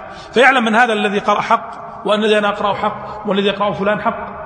والدليل على ذلك لو ترجع إلى آثار السلف ستجد أن بعض التابعين مثل شهر بن حوشب يأتي عند قراءة وما على الغيب بضنين فيقول أما قراءتنا فكذا. وأما قراءتكم فكذا. يعني وفاهم الآن في خلاف قراءات وكلهم كانوا فاهمين في خلاف قراءات فإذا زالت زال الإشكال بتحديد الخلاف الصحيح الثابت. وأنه صادر من بإجماع من الصحابة أن هذا هو القرآن النزل على النبي صلى الله عليه وسلم. هذا في عهد من؟ في عهد عثمان. أما في عهد أبي بكر وعمر فلاحظنا أنه لم يكن هناك أي إلزام بأي نوع من أنواع هذه المصاحف أو القراءات. حتى أبي كما لاحظتم عمر قال له أقرئ يعني أقرئ لم يمنعه. طيب. ناتي الآن إلى مسألة أيضا مرتبطة بقضية المصاحف التي التي حرقها عثمان رضي الله عنه. لماذا حرق عمر عثمان المصاحف؟ جميل لئلا ينشأ الخلاف مرة أخرى. لو رجعنا إلى المصاحف سنجد أن فيها زيادات غير الموجودة في مصحف آه، أبي بكر الذي نسخ منه عثمان. هذه الزيادات هل نستطيع أن فيها نقول ليست في قرآن نقول لا. لاحظ أن أبي يقول أخذتها من في رسول الله صلى الله عليه وسلم. يعني أنا سمعتها من النبي صلى الله عليه وسلم. يقرأها قرآن وأنت يا عمر تريد أن أتركها؟ ما أتركها. إذا الآن ما قرأه أبي نجزم يقينا أنه كان قرآن. لكن هل بقيت قرآنيته؟ أو تركت ونسخت؟ تركت ونسخت. لو بقيت المصاحف هذه القطع موجودة من يضمن لعثمان أن الأمر سيكون ويتطور على حسب ما تطور عندنا الآن وانضبط؟ من يضمن لعثمان أن أن المصاحف ما تختلط مرة أخرى وتحدث المشكلة؟ ومن يكون المرجع آنذاك؟ فكان أيضا من رحمة الله بالأمة أن جمع عثمان هذه المصاحف اللي فيها خلافات في القراءات لم تثبت وأحرقها. يعني أحرق هذه المصاحف. وهذه الصحف اللي كانت معهم سواء كان فيها قرآن ثابت وصحيح ونقلوه أو لم يكن أو كان فيها زيادات مما نسخ وترك, وترك. جماعة كلها وحرقها مرة واحدة. وهذا باتفاق يعني الآن أمام الملأ كلهم خطب بهم وقال اجمعوا لي كل اللي عندكم وأحرقوه.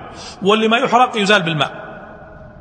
طيب إلا مصحف أبي بكر تركه كما قلنا لأنه ليس فيه مخالفة لمصحف عثمان. أما ظن الحجاج لما فعلوا طلب المصحف من عبد الله بن عمر وأحرقه فهذا عمل الحجاج ليس حجة مثل عمل الصحابة وأنه ظن أن يكون في مصحف بكر ما ليس في مصحف عثمان. وظن هو ما يأتي أحد يحتج علينا بفعل الحجاج كيف أنه حرق مصحف أبي بكر؟ ولكن أيضا لما حرق مصحف بكر كان منتشرا موزعا في مصاحف عثمان ما كان فيه إشكال مع أن مصحف أبي بكر إحراقه أو إزالته لم يكن فيها إشكالية. بخلاف لو كان أزيل قبل ذلك لرجع العمل من جديد مرة أخرى في جمع المصاحف. إذا الآن المقصد من هذا أن التحريق كان خير لاتفاق المسلمين على المصحف أو القرآن الثابت عن النبي صلى الله عليه وسلم. أي دعوة على عثمان رضي الله عنه بهذا فهي محجوجة بإجماع الصحابة ومنهم علي بن أبي طالب وقال لا تقولوا في عثمان إلا خيرا. ولو كنت مكانا لفعلت مثل ما فعل. فإذا الآن الإجماع من الصحابة على ما عمل. قد يعترض أحد من المعترضين يقول فما قولك في عمل في في, في اعتراض ابن مسعود؟ اعتراض من؟ ابن مسعود. وكنت ناوي أترك اعتراض ابن مسعود لقضايا مشكلة يعني مصاحف الصحابة واعتراض ابن مسعود نجعلها للغد نناقشها معا. لكن أشير فقط إشارة الآن سريعة لأن كي نقف الوقت بدأ يعني يطول علينا. نشير إشارة سريعة. اللي هو اعتراض ابن مسعود اعتراض ابن مسعود محجوج بأمرين. الأمر الأول أن ابن مسعود لم يعترض على فعل أبي بكر رضي الله عنه وما فعله بكر هو عين ما فعله عثمان في تعيين زيد بن ثابت. هذه واحدة. طبعا عثمان آه، بن مسعود كان موجودا لأن أبو بكر في عهد بكر كان في المدينة بن مسعود ما كان خارجا. الأمر الثاني أن احتجاج ابن مسعود سنة مفصلا لم يكن على قضية علمية وإنما كان على قضية أخرى سنأتي إليها لاحقا إن شاء الله. لما قال إن زيد بن ثابت يعني له ذو أبتان بناتي اليه غدا إن شاء الله. القضية الثالثة ان أنه لو ثبت أن ابن مسعود خالف وعارض ومات وهو مخالف معارض فإن مخالفته رضي الله عنه مع جلالة قدره ومعارضته مع جلالة قدره لا تقوم أمام الحجة من الصحابة. يعني كل الصحابة في جهة وابن مسعود في جهة. يأتي واحد يقدم قول ابن مسعود على الصحابة كلهم هذا يتصور عقلا؟ هذا ما يتصور. يعني لا يتصور عقلا. فلو افترضنا جدلا أن ابن مسعود مات وهو غير راض بما فعل عثمان. افترضناه جدلا. فإنه لا يؤثر على عمل عثمان إطلاقا. لا يؤثر على أعمال عثمان إطلاقا. وهذا بمقتضى العقل ما هو بمقتضى الآثار. يعني بمقتضى إيش العقل؟ لو تدخل على قرية كلهم متفقون على على أمر ويأتي واحد مخالف لهم تقول والله هذا اللي معه الحق وهذا كلهم باطل ما يمكن. يعني اجماع جمهور الناس على هذا الشيء ويأتي واحد يخالف بشكل ما يمكن. في أمور مشاعة ومنظور فيها أمامهم وعندهم يعني ما هو والله شيء والله خفي يحتاج إلى عقل فيلسوف عشان يصل فيه إلى دقائق لا. فاذا المقصد من ذلك أن نقول أيضا لو كان فإنه يبقى أن عمل عثمان رضي الله عنه آسف عمل ابن مسعود رضي الله عنه في هذا انه فيه ما زال فيه إشكال وأنه محجوج رضي الله عنه بإجماع الصحابة منذ عهد بكر على هذا. ولعل إن شاء الله غدا نفصل في بعض المشكلات المتعلقة بمصاحف الصحابة ترتيب هذه المصاحف وترتيب مصحف عثمان. ومذهب ابن مسعود بالذات وما ورد فيه.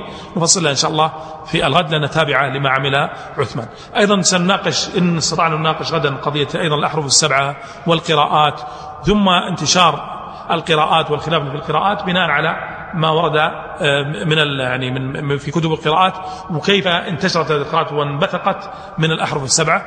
ثم بعد ذلك الأمور التي جاءت بعدها كلها أمور ممكن يعني مراجعتها وقراءتها لكن أهم شيء هي هذه المرحلة اللي مرحلة ما يمكن أن يقال مرحلة آه، كتابة وتدوين المصحف في هذه العصور التي كانت أصلا لكل ما جاء بعده من العصور. ما أدري كان في سؤال واستفسار شو اليوم ما وزع عليكم أوراق فما جاءت أسئلة. ممكن السؤال مباشر سم.